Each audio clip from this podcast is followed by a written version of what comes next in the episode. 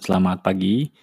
Kali ini kita akan mendengarkan podcast episode khusus karena menggunakan alat bantu berupa slide atau presentasi yang telah kita post di Instagram Sekolah Investor ID di IGTV ya.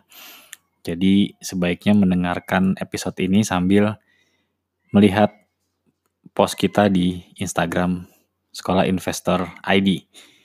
Ditunggu ya. So, check it out. Halo, selamat pagi. Jumpa lagi dengan saya Azan dari Sekolah Investor. Kali ini kita akan membahas tentang trading saham yang sangat mudah ala Sekolah Investor tentunya.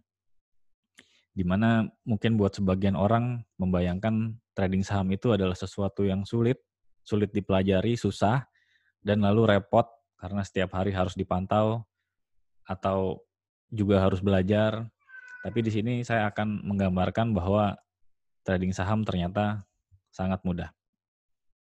Kita mulai.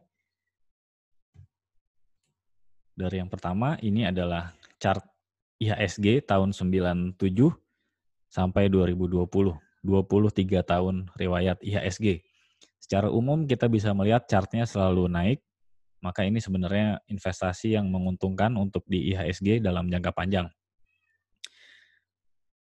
Tapi supaya tidak terlalu normatif, kita akan buktikan step by step-nya bagaimana ternyata ini bisa direalisasikan dan sangat visible untuk terjadi gitu ya. Pertama, kita hanya menggunakan teknik Wyckoff. Ini digambarkan dengan dua garis sejajar di support dan resisten, katakanlah begitu. Cuma ini memang nanti kita pelajari bersama di workshop bulan depan Sekolah Investor tentang Wyckoff lebih dalam. Ada beberapa teknik di sana. Silakan bisa mendaftar mungkin. Tapi ini hanya salah satu contoh dari teknik Wyckoff tersebut. Di mana dengan teknik ini kita sudah bisa melihat adalah bottom atau harga terendah yang bisa di kumpulkan gitu ya dalam 23 tahun sejarah IHSG tadi. Di sini kalau kita perhatikan ketika menembus garis bawah ini itu adalah krisis 98 di mana terjadi krisis finansial, krisis ekonomi, krisis politik, bahkan kerusuhan. Lalu di 2001 ini ada bubble.com ketika perusahaan IT telah mendominasi di Amerika sana lalu krisisnya terjadi ke seluruh dunia. Dan 2008 ada krisis subprime mortgage, di sini terdeteksi lagi. Lalu di 2020 ada corona yang saat ini sedang kita alami. Intinya adalah dengan garis sederhana Wyckoff ini kita bisa menentukan bottom dari setiap masa yang ada di IHSG atau Indonesia Stock Exchange ini sangat mudah bukan? Jadi untuk kapan waktu kita membeli di saat dengan power yang cukup besar ada di titik-titik mana sangat terlihat. Nah, lalu kita masuk ke first trading area. Jadi ini kita asumsi mulai trading di 2004 ketika setelah selesainya IT bubble tadi .com lalu masuk ke area di sini. Targetnya 2006 dijual. 2004 masuk di IHSG sekitar 600-an, 2006 dijual di 1800-an. Jadi dalam 2 tahun mencapai 300 persen. Jika asumsi kita investasi di angka 1 miliar, maka dalam 2 tahun sudah menjadi 3 miliar. Sangat-sangat menguntungkan dibanding deposito atau reksadana dan segala macamnya. Jadi di sini pentingnya kita memilih fundamental yang baik karena dengan fundamental yang baik tentunya akan mengikuti tren IHSG dari saham tersebut. Makanya itu menjadi concern kita di sekolah investor untuk memilih saham dengan fundamental yang baik.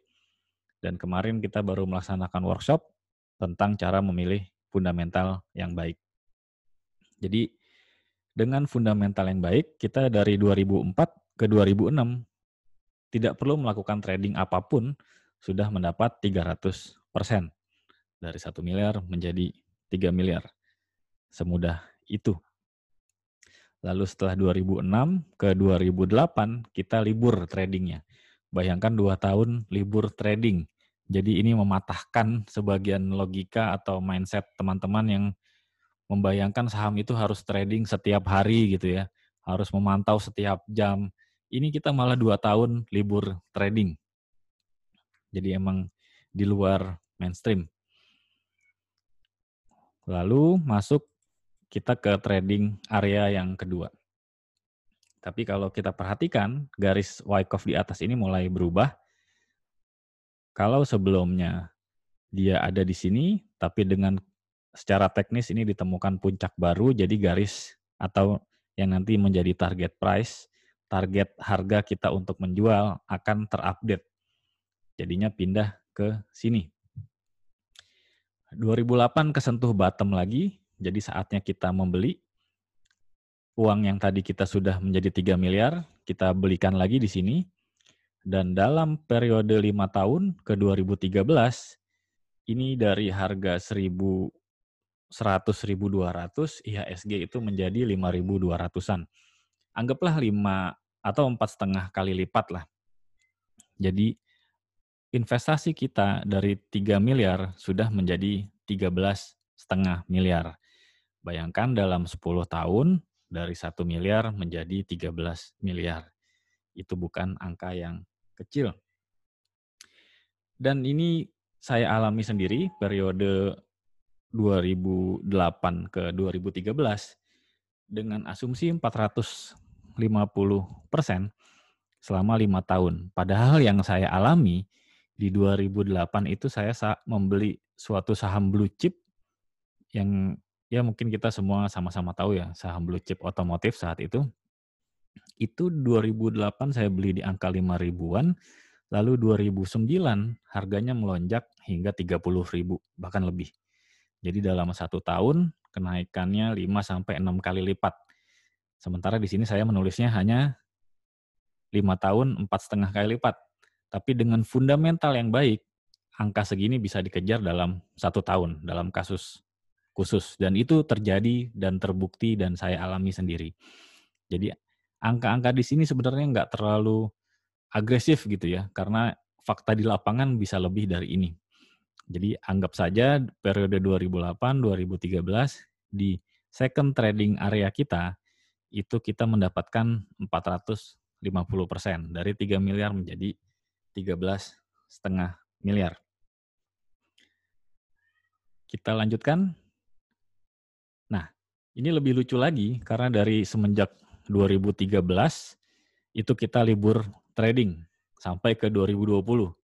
Jadi tujuh tahun libur tradingnya. Sekolah investor kita tidak melulu berbicara tentang saham, tapi secara umum kita tentang pengelolaan aset mindset kita ada tiga pilar kekayaan wealth profile yaitu bisnis, investasi dan properti. Di area investasi ini saya pribadi membaginya menjadi saham, emas dan properti. Jadi ketika 2013 kita exit di angka tadi 13,5 M itu langsung saya pecah jadi tiga. Jadi saya belikan ke emas batangan logam mulia antam senilai modal awal kita trading ini di 2004. Lalu saya kembalikan lagi modalnya juga ke trading saham. Jadi kita 2013 tetap trading saham, tapi hanya powernya kecil lah. Nggak sebanyak kita belanja ketika ada momen-momen spesial ini di bottom, yaitu subprime mortgage dan tadi IT bubble, bubble.com. Jadi saya hanya menyisakan modal saja ketika trading 2013 di 2020. Ini juga terkait distribusi resiko gitu ya. Jadi ketika terjadi kenapa-napa dengan investasi 1M ini, ya kita sudah siap, sudah siap untuk meratakan averaging down atau sudah siap untuk mengikhlaskan jika terjadi sesuatu karena itu sudah di luar target kita. Nah, ini asumsi uh, sisanya sebesar 10M kita investasi di properti. Properti yang tentu saja bisa disewakan seperti ruko atau kos-kosan, rumah yang disewakan dan segala macam. Jadi relatif lebih santai. Dan era di 2013 hingga 2018 akhir gitu ya. Saya sendiri mengalami investasi di saham blue chip lagi-lagi, saham consumer good, itu peningkatannya setahun 25% karena dia terus bergerak naik growth selama belasan tahun ya, yang berakhir di 2018.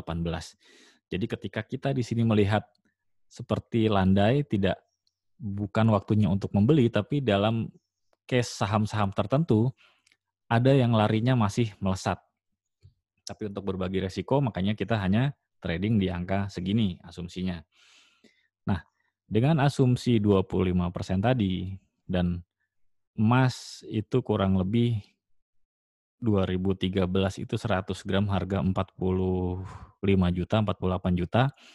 Lalu sekarang sudah 80-an, jadi kurang lebih ketika 2020, ketika terjadi corona di bottom, emas kita menjadi segini, saham kita yang tadi ditradingkan segini, dan properti dengan asumsi setiap lima tahun sekali nilai properti meningkat dua kali lipat, seperti yang saya alami sendiri juga, ini bukan mengada-ngada, tapi memang real adanya, maka ini juga masuk akal untuk dalam era tujuh tahun ini properti sudah meningkat menjadi di angka 23M asumsinya.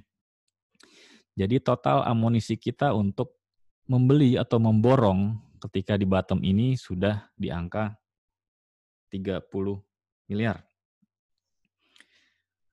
Nah, ini menjadi penting ketika kita di sini investasi properti yaitu salah satu tujuannya adalah untuk meleverage ketika terjadi fenomena bottom kita bisa membeli lebih banyak dengan simpanan properti ini.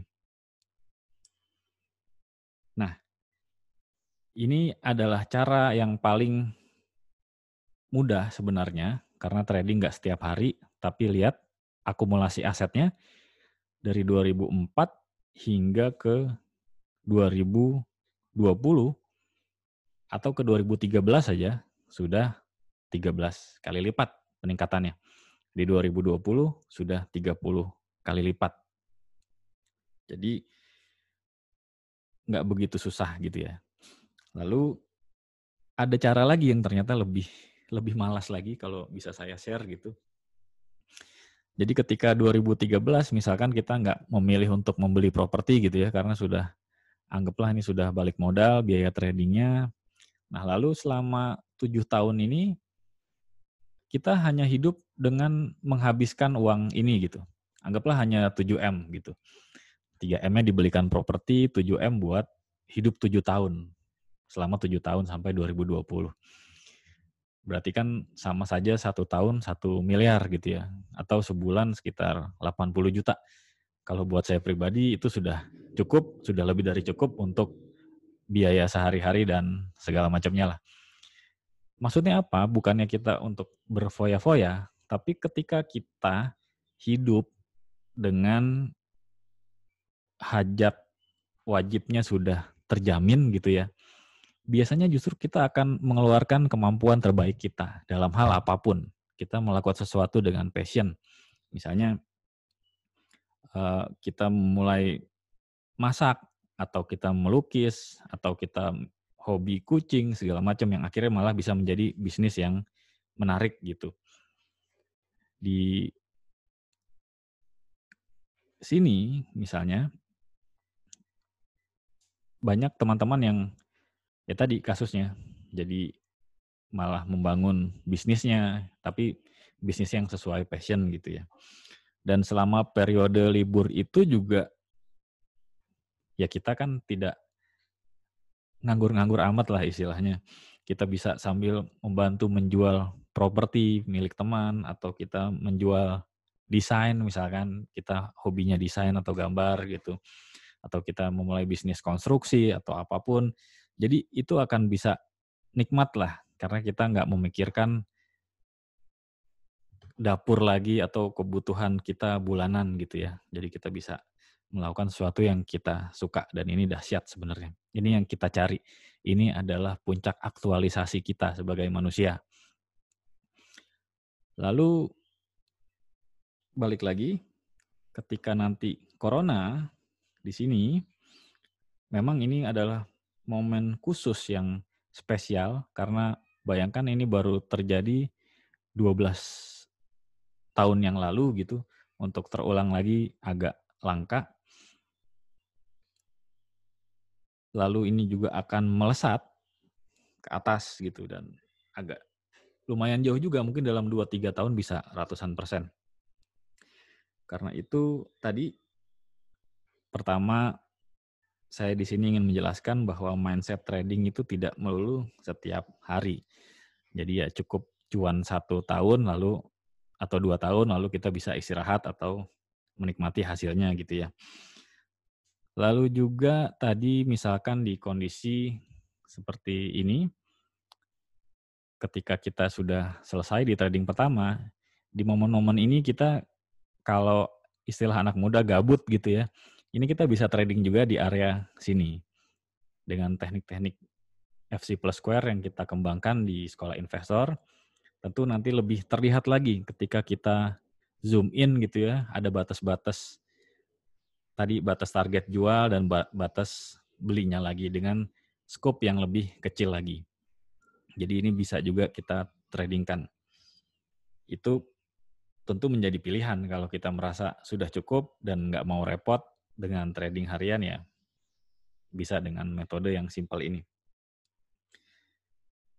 Nah ini juga dalam perjalanan ini ya tentunya nggak terpengaruh ya misalkan ada turun-turun sedikit, mau cut loss atau mau apa averaging down, ini nggak nggak ngaruh lah. Kita intinya ini cara paling simpel beli dan diamkan saja. Tentunya kalau kita trading kan ya lebih maksimal, cuma buat sebagian orang nggak ada waktu dan mungkin nggak sempat belajar. Jadi cukup dengan mengetahui fundamental yang bagus dan dengan momentum IHSG yang tepat, itu sudah bisa menjadi investor yang menguntungkan.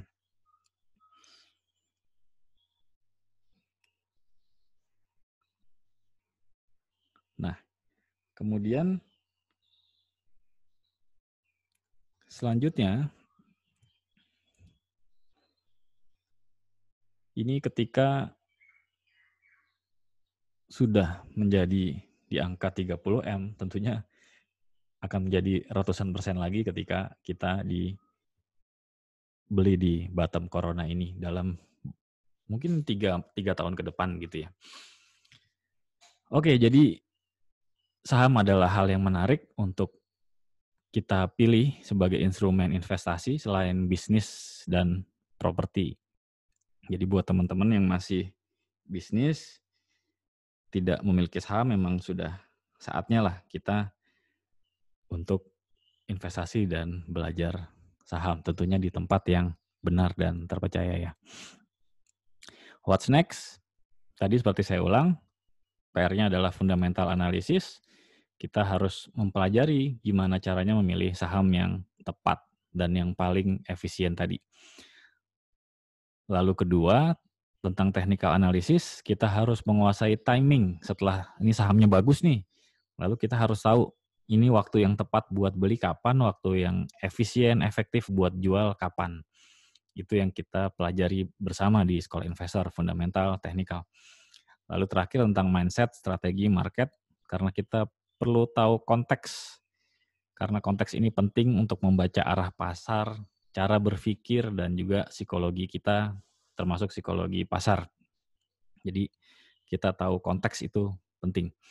Nah ini yang kita pelajari terus di sekolah investor dan ilmunya luas, nggak habis-habis, tapi tentunya mengasihkan mempelajarinya karena orang-orang yang juga asik kita belajar bareng-bareng dan menjadi relatif masalah biaya gitu ya. Makanya ketika ada biaya mahal tapi ternyata bisa mengubah investasi kita dari tadi 1 M menjadi 30 M, tentunya even biaya berapapun akan menjadi relevan dan sangat ya sangat masuk akal lah kalau mendapat ilmu yang tepat seperti ini.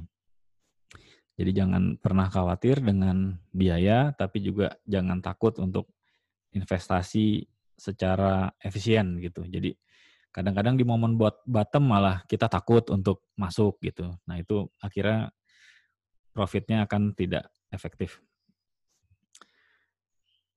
What's next? Jadi kita bekerja bersama, boleh bergabung. Kita ada dua cara untuk apa ya berengagement gitu ya. Pertama dari workshop pemula itu cara yang paling mudah dan biayanya terjangkau, siapa saja bisa gabung. Lalu untuk menjadi member klub ini memang agak selektif karena ini akan menjadi member klub yang kita akan terus belajar bareng bertahun-tahun dan biayanya tadi relatif mahal tapi ya kalau dibandingkan dengan angka yang tadi kita simulasikan tentunya sangat jauh terjangkau ya. Ini website kita sekolahinvestor.id, mobile number atas nama Bu Novi untuk itu manajer kita untuk info workshop atau info tadi bergabung dengan klub dan lain-lainnya. Ini Instagram juga kita rajin post tentang info-info yang atau kegiatan yang akan kita jalankan. Lalu kita juga ada podcast, bisa di Spotify, di Apple, atau di Anchor gitu. Itu namanya belajar saham bersama sekolah investor.